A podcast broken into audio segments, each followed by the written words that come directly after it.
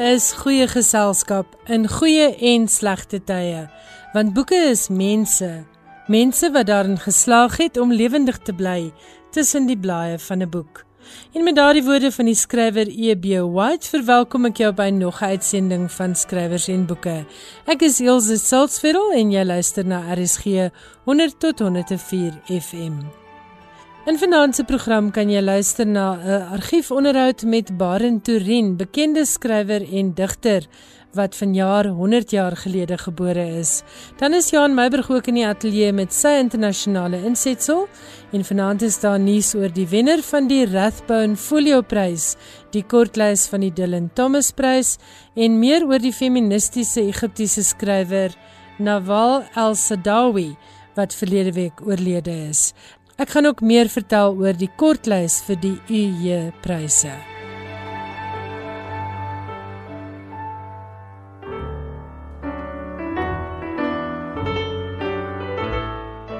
Barend Jacobus Turin is 100 jaar gelede op 29 Maart 1921 in die distrik Porterville gebore. Na skool is hy na die Universiteit van Stellenbosch waar hy 'n BA graad behaal het in die geselskap van bekende 60ers soos Jan Rabie en Etienne Leroux. Na sy BA graad is Turin na die Universiteit van Kaapstad vir 'n diploma in biblioteekwese.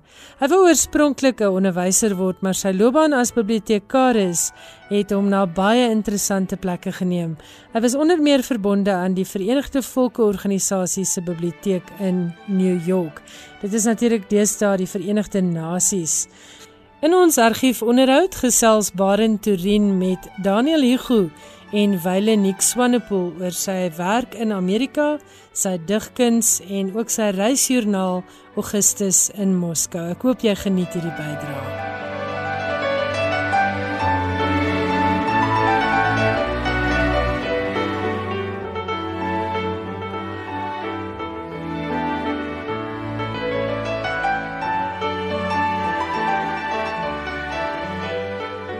Ek moet tog uitwys jy word nie van my Baren Lee te noem. Dit is net as ek my naam teken na die J. Ek is Baren Turin. Ek weet ek sal nou die J uitlos. OK. Maar baie dankie uh vir jou teenwoordigheid by die leeskring en baie dankie dat Daniel Hugo ook kom saamgesels. Daniel baie welkom. Dankie Nick. Ons gaan 'n bietjie gesels oor jou uh jou hele oor as jy wou Baren maar dan meer spesifiek oor parke speel en oor die reisjoernaal vir jou Augustus in Moskou. Maar kom ons begin met die met die mens Barnturing. Ons weet jy was al by die Verenigde Nasies. Ja, ek het daar omtrent 20 jaar gewerk in New York. En daarna ook op ander plekke in Amerika. En ook burger geword daar. Nou Barend, uh, jy is gebore in Porterville en jy het gestudeer op Stellenbosch en by die Universiteit van Kaapstad. En toe het jy in 1947 Suid-Afrika verlaat. Hoekom? Man, ek sê jy is verlaat nou, ek het net gegaan. dit was ook 'n bietjie uh, onthou dit was na die oorlog en mens het vasgevoel uh, vasgebind gevoel hier. Tweedens is net die gewone jong mense wat wil oor see gaan en toe kry ek poste daar te blyk daar. Ja, dit is nie so gewoon nie want jy het op die end omtrent 30 jaar daar gebly. Ja, dit is ook meer as 30. Het jy al gedigte geskryf voordat jy vertrek het? Ja. Ek verbeel my ons het al reeds daaroor gepraat Daniel. Wat ek miskien vanaand meer oor wil sê is hoe moeilik dit vir my was of hoe alleenig dit vir my was daar omdat ek nie Afrikaans gehoor het nie. Ek het nie een of twee Afrikaners maar 10 gekom nou en dan en so mense was uitgesmag vir Afrikaans. Jy weet, so jy het moeite gedoen om 'n Afrikaner te ontmoet as jy hoor hulle besoek New York. So dit was lank gewees. Met die gevolg my Afrikaanse taal self het uh taamlik kleurloos geword, meer 'n soort van 'n journalistieke soort taal. Wat jy nie meer die vars uh, hoor nie, die vars taal hoor nie. Ja, wat ek eintlik nou Die punt wat ek wil maak is dat jy eintlik al in die 40er jare gedigte gepubliseer het, maar jou eerste bundel het eers in 1960 verskyn. Ja, maar dit is ook 'n lang storie want uh, ek weet daar oorkant en niemand was geïnteresseerd in elk geval nie. Ek moet sê ek het jy's jy's probeer nie. Maar toe in 60 tot die eerste keer. Maar wat ek wil ook praat wie my nog gaan vra of nie. Een van die redes wat my weg is was sterk en gemoeg geword vir die apartheid hier. Hoewel dit my eers daarna ingekom het, mees in 1948 ingekom het. En ek het ook taamlik verse daaroor geskryf. Hoewel ek nooit uh, met 'n beweging stel aan hamers en sikels rondswaai nie, het ek altyd gesterk gevoel teen die onreg en onregverdigheid, veral met die met die 48 en daarna. Dis 'n soort gevoel wat ek gehad het oor die Afrikaner as sulks en myself ook gestel as een van ons. Ehm um, ook dit is self so uh, so trots op onsself altyd is. Jy weet Afrikaans is die wonderlikste taal en dit en dat en dat. Dat ek sê Johannes was 'n seun uit die landelike aristokrasie.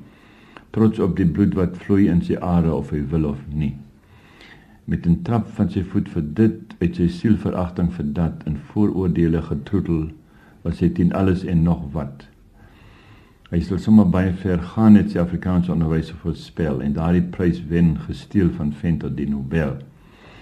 Sy pa was trots sy ma nie min groot op haar manier. So die roepstem van die kerk of die van politiek sie vier. Met die Bybel as basis vir albei. Wis hul sou hy veilig wees. Die boek wat alles uiteenset soos die ras van 'n Japanees. Of dat elke werk aangedui is volgens ras en volgens soldij en met wie jy kromosome mag meng en waar jy mag bly. Soms na die boeke vat dit hy aan homself herhaal. Die profete is aan ons kant. God is ons God spesiaal. Maar Johannes het sy ouers diep teleurgestel. Hy ontpop mooi as 'n digter en een met 'n dun vel want hy was fyngevoelig en lief vir die natuur. Hy wys sy aanleg om aan sy taal te skuur en te skuur en te treur oor Romeinse wreedhede op conquistadore en Attila se oor Hongarye en Troje se veronregte koningin.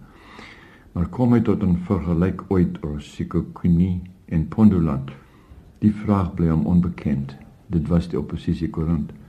Dit is maklik om Johannes so effe te hou vir die gek. Die bitterheid is dat ek hy is en hy Johannes ek. Ek weet nie of julle nou al hierdie punte onthou nie. Dit is nou van 30 of 40 jaar gelede wat gebeur het hier. Hm? Met die met die uh toneelskrywers hier wat groot uh geprys was altyd, maar dit is altyd geskryf oor dinge van ver weg en dinge van lank gelede. Maar hier se kon seker Koenie en Pondoland onthou ek was daar die verskuiwings van die mense. En niemand het ooit daaroor iets gesê of iets daar reageer op nie. En so iets soos die rasseklassifikasie was vir my ook gruisam. Want dit is maklik as jy in Suid-Afrika kan klassifiseer, maar as jy nou sê maar nou buitelanders skryf waar is wie is wat. So volgens godsdienst is dit 'n baie moeilike ding volgens 'n uh, etiek. Hoewel pragmaties kan dit gaan, maar volgens etiek is dit uh, onverkeerd. Nou uh Barend is ook bekend dat jy al baie keer gesê het dat jy onderskat word as digter. Dat daar minder aandag aan jou gegee word as aan die ander digters wat in Suid-Afrika gebly het. Maar ek sê nie nee, die, ek sê nie so gesê het nie. Ek sê nie seker word onderskat nie, ek net ek weet nie jy hoe ek dit sê nie. Maar eh, oor die eintlik is dat daar nog nooit ooit 'n artikel om my geskryf is nie. Dit sal ek liewer sê of ek nog nooit in my lewe 'n brief van Elise gekry nie. Sê ek hou daarvan of gou nie van jou werk nie. Ek bedoel in daardie sin, maar jy tog daarom seker telefoonoproepe gekry. Nee, nie nie van onbekend, ek bedoel van Elise. nooit nooit gekry nie. Dit is wat jy voel is in die in die lug jang in die lug. En dit het net te doen met die feit dat jy nou so lank in in die FSA gewoon het. Nie noodwendig nie. Ek ek is eenvoudig nie in die in die hoofstroom ooit nie en uh, gewees of is nie. Ek het dan ja nou was net nooit die ball game saam gespeel of wat ook al nie. Ja. Nou jou laaste dag van nog wat nou verlede jaar verskyn het is parte speel. Wil jy nie daaroor praat nie? Nee, daar is niks te sê juis nie. Ek voel nou meer as jy ook aanlei na die na die boek waaroor ons nou nog gaan praat.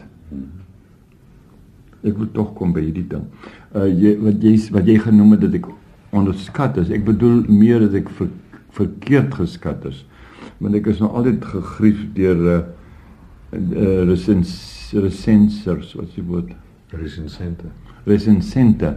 Byvoorbeeld Antonius in dit in oor my eerste boek, sy sy naam is gedigte, gesê Dorien moet tog net nie probeer snaaks wees nie. Jy weet dit het met tog vies gemaak en hy was tog 'n goeie kritikus, maar kritikus het geen reg om vir iemand anders te sê hoe jy moet skryf en wat jy, jy weet of wat jy mag skryf nie. En uh, daarna het ek tog taamlik snaaks goed geskryf wat mense van hou. En toe kry ek toe kry ek daarna die die klute wat my verdoemend uh, uh verdoem het in in in encyclopedia standard South African Encyclopedia dink ek is sy titel waar hy die hele uh, hoofstuk skryf oor die poesie en ook in die Afrikaanse literatuur sê dit 60 wat hy my uitsonder die vertaling van my uitsonder van dis die seafarer die oud Engelse gedig wat hy blykbaar nooit agtergekom het dat dit 'n vertaling is nie en uh, dit is 'n wat ek sou sê aantreklike bombasme van 'n onbekende digter. En uh, waar jy ook moet sukkel met die stafrym, wat is 'n vorm wat vir my baie aantrek nog altyd. Anyway, hy het dit daarvan gehou nie. Maar ek het byvoorbeeld ek werkloos was in Amerika, na ek van die Verenigde Volke weg weg was en 'n paar ander poste was ek vir die tyd werkloos. Het ek nooit durf sê op my curriculum vitae dat ek 'n digter is nie, want as hulle gaan soek in die South African Standard Encyclopedia wat die enigste Engelse ding is oor ons Afrikaanse um, letterkunde. En dan sal hulle gaan sien daar wat hy sê ek is pretentious nou ja. Daaroor voel ek nou altyd sleg. Dis nie 'n kwessie van die mens onderskat is nie, maar dit is dit. Oor Augustus in Moskou. Daar's 'n lang storie wat die ding eintlik vooruitloop. Dit is 'n nou wat nou net verskyn het en uh, ek kan daar inkom dat ek taamlik uitgesproke is daar 10 die Stalin um, kommunistiese staat. Dit was vir my 'n uh, eh, dit was 'n ondervinding wat 'n mens kan sê. Maar oor die algemeen is dit baie bedrukkend.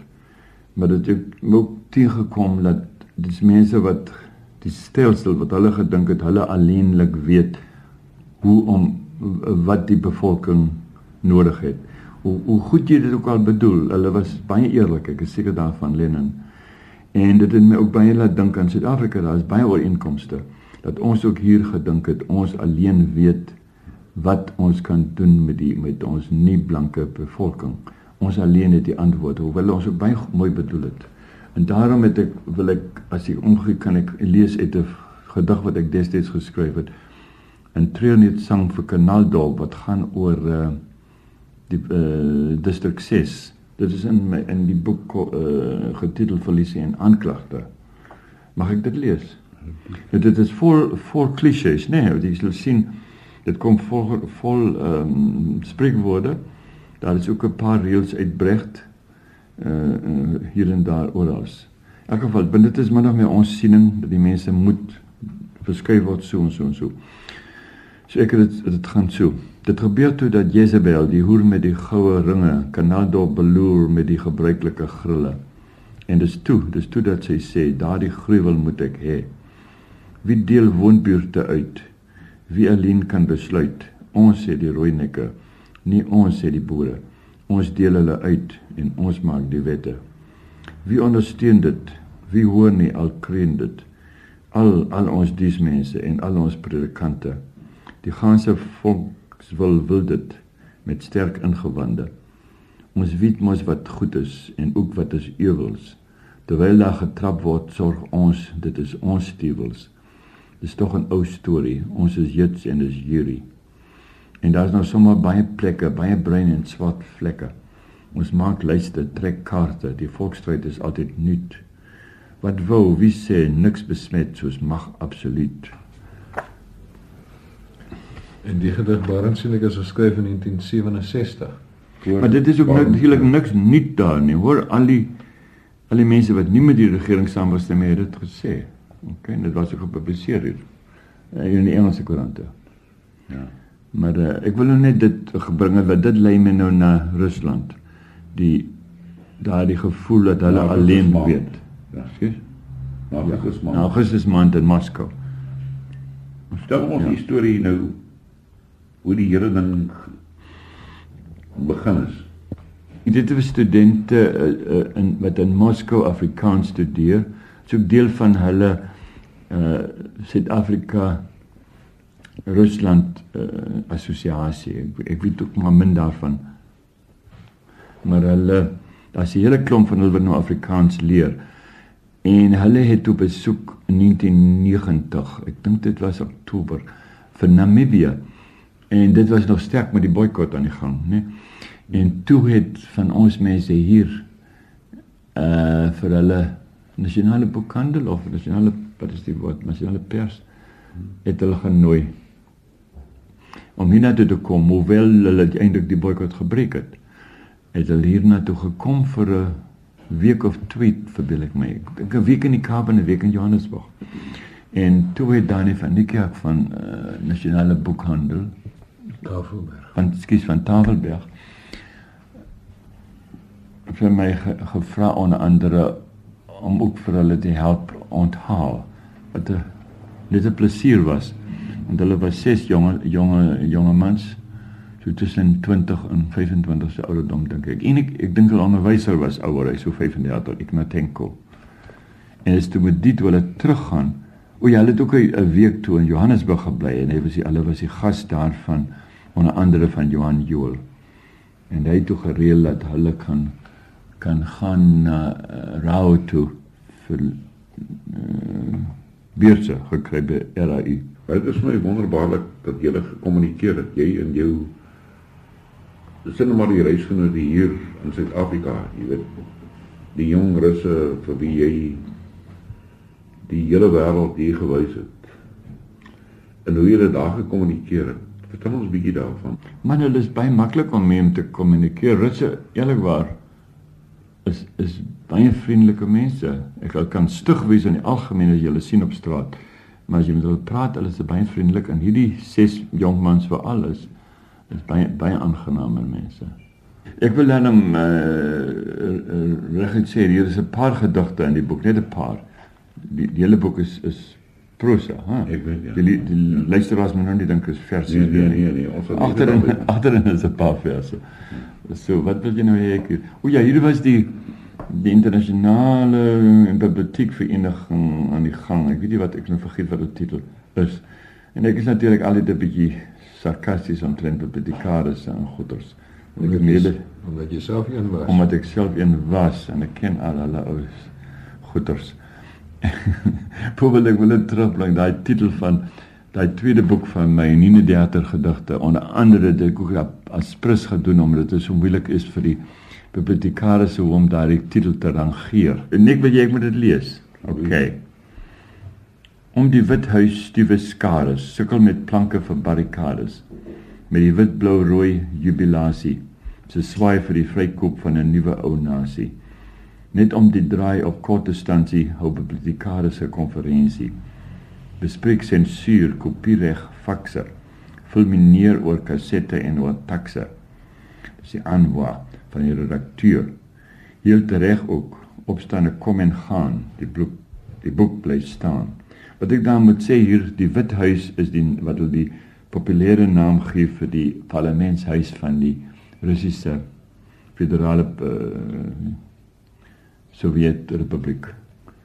En die wit blou rooi is hulle vlag, dis die ou tsaristiese periode se vlag wat skielik oral verskyn het. Ek weet nie waar hulle al die jare die goed weggesteek het nie. Toe skielik is die rooi vlag met die sikkelmaan en die goed op weg. En dit is die wit blou rooi in die boek. In die boek bly staan. Ek glo net nie self nie. Ek het dit duidelik gesê dis van die redakteur watter wat dit watter ingesit redakteur? het. Enige redakteur, hulle glo ons in boeke vas. So jy het ironies bedoel. Dis hom, die woord. Wat dink jy dan bly staan? Ja man, dit is 'n moeilike vraag. Mens vra nie of skrywer sulke moeilike vrae nie. Sedert jy teruggekom het uit Rusland het die toestand natuurlik dramaties verander en dit beskryf jy nou in jou agternawoord. Miskien kan jy vir ons net daardie eerste paragraaf lees. Hmm. Sedert my besoek aan die Sowjetunie het daardie wêrelddeel groot veranderings ondergaan. Dit het nou gemeenebes van onafhanklike state waarvan die konstitusie en onderlinge verhoudinge nog ver van finalisering is. Die staatsgreep van Augustus 1991 wou die horlosiese wysers terugdraai. Die ironie is dat dit vorentoe gestamp is, maar die veer is nou stukkend. Dit het natuurlik baie verander, maar basies is dit tog maar dieselfde. Die groot verandering sal nou wees as jy wat toerist wil dink oplet is dan sal teen kom is die verskriklike vir pryse wat so opgeskiet het soos ek nou myself voorstel. Maar 'n toerist hoef nie bang te wees om te gaan om te so toe te gaan nie hoor. Want die, as jy gaan as 'n toerist bly jy in die groot hotelle en daar is altyd voedsel en kos. En dit is maar net in die groot stede en die groot hotelle wat jy Engels kan gebruik. En uh onder in die Kaukasus waar ek was, daar is Duits nogal effentjies. Jy hom effentjies kan gebruik. Is nou is 'n bietjie meer in 'n tradisie daar. Maar wat ek gesê het as 'n individu gaan reis in Rusland, moenie dink jy kan dit doen nie. Dit is baie moeilik. Want die tale is die mense praat nie vir nie. Want dan wil dit beskou dat hulle hulle eie wêreld absoluut is. Hulle het nie ander gelol met baie te leer nie. En wat ek ook van hele paar gehoor het, hulle sê hulle instruksie is maar swak, die skole. Jy leer nie baie nie. Wat my interessant is van jy, van hierdie hele boek van jou, jou Kom ons noem dit 'n rasionaal Daniel. Van Augustus in Moskou, jy weet. Wat dit so maklik leesbaar maak. Die Kafkas is die naam van die groot stad hoor. En tot onlangs het hy nog 'n ander naam gehad wat ek nie kan altyd uitspreek nie. Odenikonji, something like so iets. Ehm um, maar nou het teruggegaan na die naam wat hy gehad het voor die Russiese revolusie. Kafkas is die Russies vir Kaukasus. Nou kyk, ek was in die Kaukasus gewees uh by Vladikavkaz uh ek en my vriend uh, Albert. Ons was royaal onthaal daardeur. Ek moet sê in die Kafkas het ek baie meer geniet as Moskou of Leningrad. En uh ek hou my nie jy's van groot stede nie. En daar sien jy die strate is vol beeste en koeie en goederes. En okay, so gaan die vers. Saans kom die koeie met afgemete passe uit 'n voerkamp aangestap en draai van self na links of regs as hulle die hoofstraat inkom. Elkeen weet na watter kant haar slaapplek is en wie aan haar spine gaan pluk. Die wêreld is georden. Niks hoef bevraag te word nie. En as die ploeteraar van 'n klein boer haar eendag vasbind en die goeie vet vrou, die een wat altyd haar spine nou verrimpel en opgedroog, gesoebat het om melk met 'n emmer nader staan om die bloed vir bloedwors op te vang, sal daar vir haar geen engele wees om uit te roep: "Sien daar, daar is jou offer." Sal dit te laat wees en ook onnodig om te verstaan of te weet. Nou Barend, uh, as jy nou terugdink, nou nog 'n paar maande nadat jy die boek geskryf het oor jou besoek, wat bly jou die skerpste by?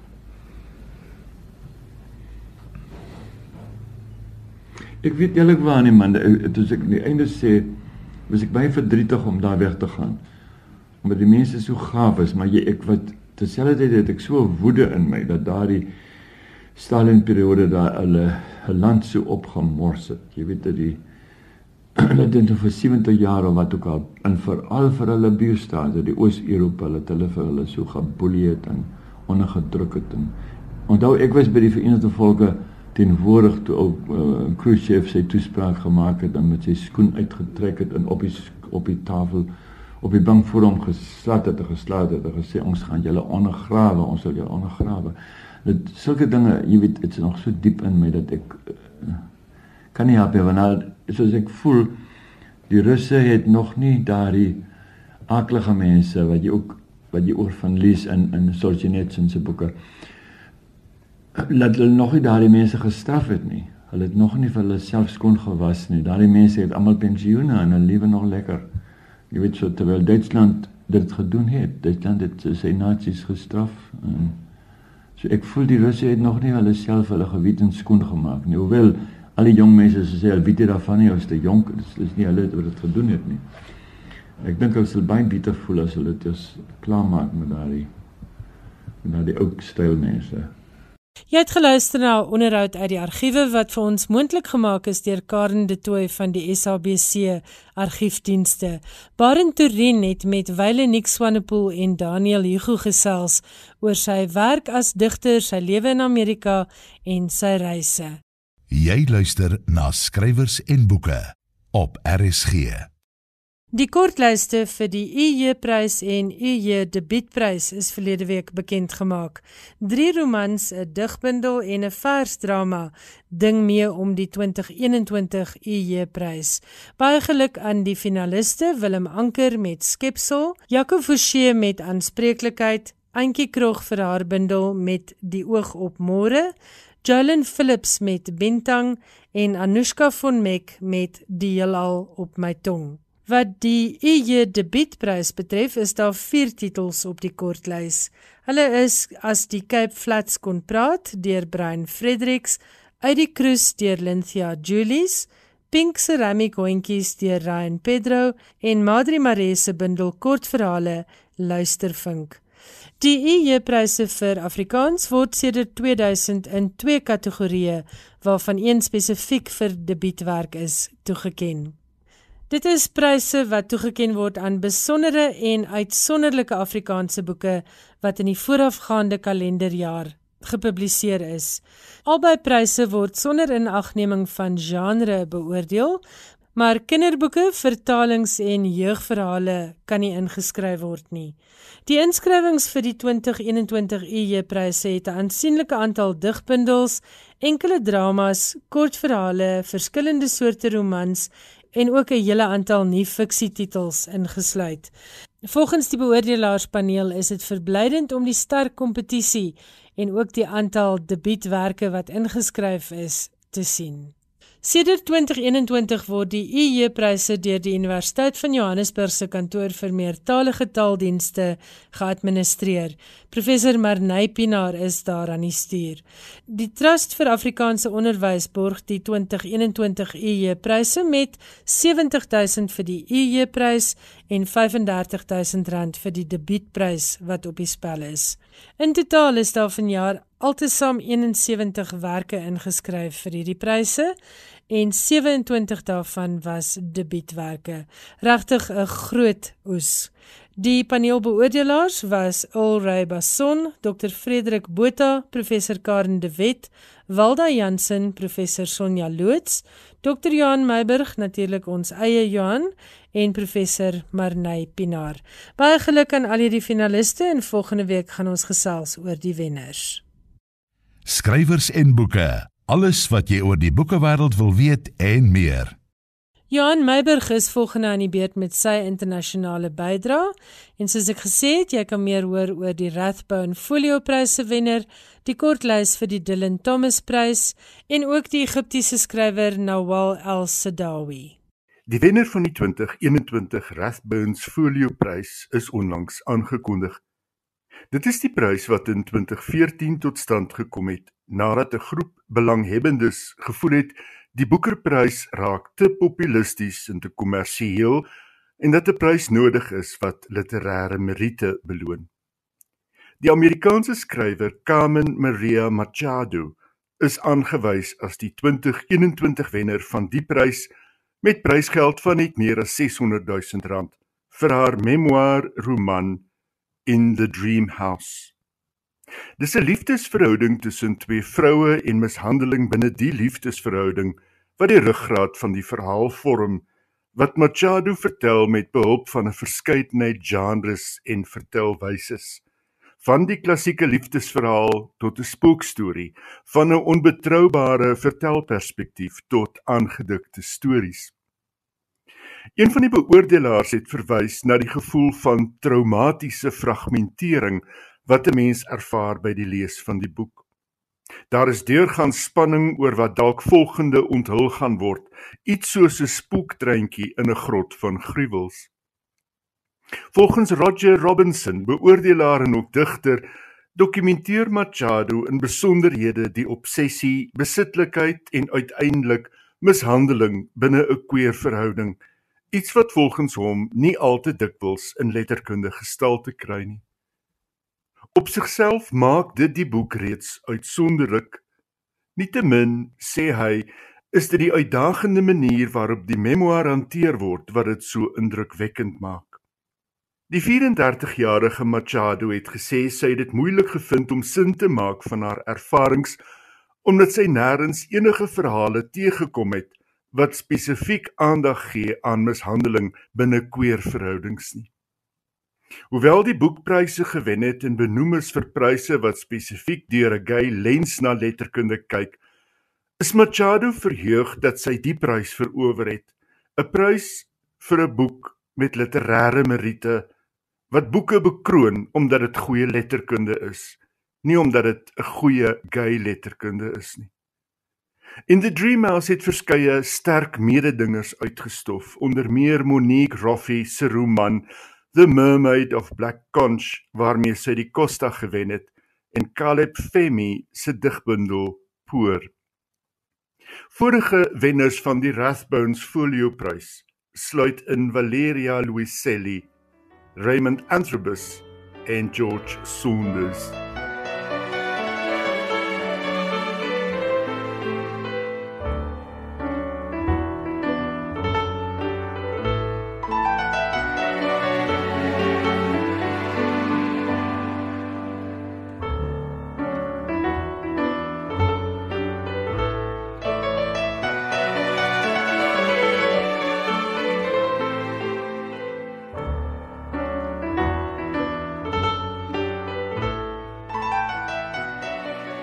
Kortlys vir die Dylan Thomas Prys is onlangs aangekondig en vier van die ses benoemdes is skrywers wat pas gedebuteer het.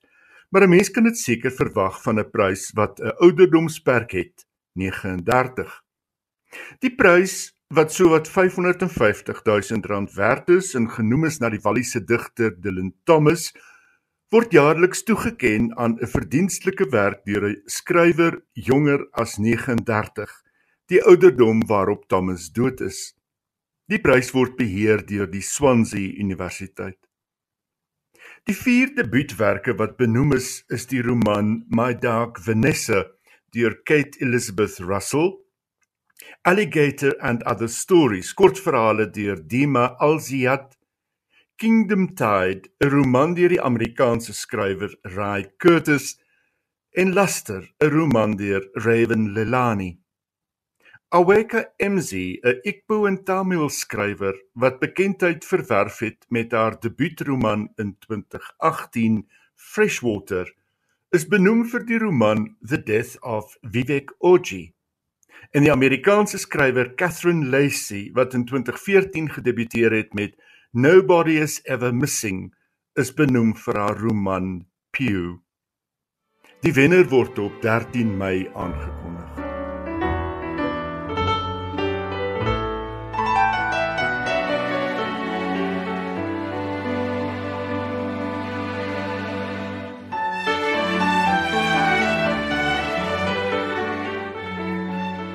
Nawal el-Saadawi, die Egiptiese skrywer en aktivis wat in sommige kringe in die Weste bekend gestaan het as die Simone de Beauvoir van die Arabiese wêreld, is op 12 Maart dood. Sy was 89. Skrywer was sy, maar buite haar skryfwerk was dit ook haar onverdrote ywer om die politieke en seksuele regte van vroue te verbeter wat haar so 'n pilaar in die Midde-Oosterse wêreld gemaak het. Oor die bevryding van vroue het sy indringend geskryf. So ook oor besnydenis wat sy onder meer beskryf in The Hidden Face of Eve. Dit was nie net die besnydenis van vroue waarteen sy hewig gekant was nie, maar ook die van mans. Daarby was sy ook hewig gekant teen watter vorm ook al van godsdienstige fundamentalisme met Islam met sy swaarde dikwels gekruis. Sy was gekant teen kolonialisme en die skynheiligheid van die weste. Sy was uitgesproke teen boerkas en sluiers, maar eweso teen gremering en skraps geklede vroue. Sy is by verskeie geleenthede die swye opgelê, sy doodstrygemente ontvang en is in die tronk gestop. Toe haar familie daarop aandring dat sy op 10 'n bruid word, het die jong El Sadawi geweier. Haar ma het haar in die opsig gesteun en daarop aangedring dat sy 'n goeie onderrig kry. Iets wat vir haar ouma byvoorbeeld nie belangrik was nie. Die het geen geheim daarvan gemaak nie dat een seun minstens 15 dogters werd is. Elsa Dawie het medies gaan studeer en later direkteur van gesondheid in Egipte geword. Met die verskyning van Women and Sex in Arabies was sy die posisie egter kwyt. In 1982 het die roman Women at Point Zero in Engels verskyn Die boek waarmee sy bekendheid in die weste verwerf het. En in 1984 God Dies by the Nile. Diary of a Child Called Suat, uittreksels uit haar dagboeke, het in 2017 verskyn. Hier is Nawal El Sadawi, die vrou wat so beredeneerd gesê het wat sy so vurig geglo het aan die woord. During the first days of her life, the female infant does not see this sadness. Her eyes, which open for the first time on this world, are too young, too innocent, unable to see the hidden. I was one of those female infants. Like them, I did not take in the scene with my own eyes the original images were not registered in my memory. I have tried to retrieve them in my imagination. At that time, 100% of girls in Egypt, upper class, lower class, my mother was circumcised, my grandmother, regardless of class or anything, they were circumcised, and boys too. And uh, I was very young, six or seven it's like a nightmare, you know, it's like a nightmare. And I wrote about it. But something happened, amnesia. We call it in medicine childhood amnesia. You forget. And suddenly you remember when I was in the medical college, when I started to examine girls and women who are circumcised. So I started to see it in front of me. It came to the conscious. It moved from the unconscious to the conscious. So I started to be aware and to rebel and to write against it. The Minister of Health was against me. Uh, religious people were against me. Doctors, my colleagues, were against me. Everybody were against me. Nobody with me. And they said this is against God, against Christians were against me because Christians are also circumcised, boys and girls. So Muslims against me, Jewish people against me, everybody. And uh, I suffered a lot at that time because sometimes you question yourself. When all the world against you, then you see maybe I'm wrong. But I never said I'm wrong in relation to that. In my village at that time, and in all villages, usually the ceremony of the marriage, that the girl uh, is exposed to very harsh uh, uh, operation, something like that, by the finger of the bridegroom to deflorate her. And then the family will take the blood of the hymen on a, on a towel and show it to the people celebrating and um, saying, oh, this is the blood of honor of, so, of the man. You know, it's the honor of the father. And the father is so happy with this blood on the towel, and the girl is dying. Some girls died of bleeding because the finger of the husband is big and the girl is young 10 or 11 or 12. I felt that I have to educate the villagers. Health education is very important. They should know that this should not happen. And also with circumcision You know, the daya, the midwife, comes with her uh, razor, not clean, and cut the clitoris. Sometimes she cuts other things, and the girl bleeds to death. And many girls died. I found myself as a doctor facing a whole of community, ignorance, cruelty, patriarchy, religion, because it was done under Christianity and Judaism and Islam. So I had to fight all. This was my education. I didn't study in, in university much. I studied in life as a physician. And this made me angry. All children question religion because they have common sense. All religions against common sense. Because all religions are built on double standard. Standard for women, standard for men. Standard for the rich, standard for the poor. I cannot believe in a God that is not just. He must be just. He or she must be just. Or he cannot be a God. And with the flourishing of religious groups, women are oppressed. Women went back to the veil, to circumcision. To, and that's why many trials were raised against me. And they don't like me, of course, the Muslim brothers.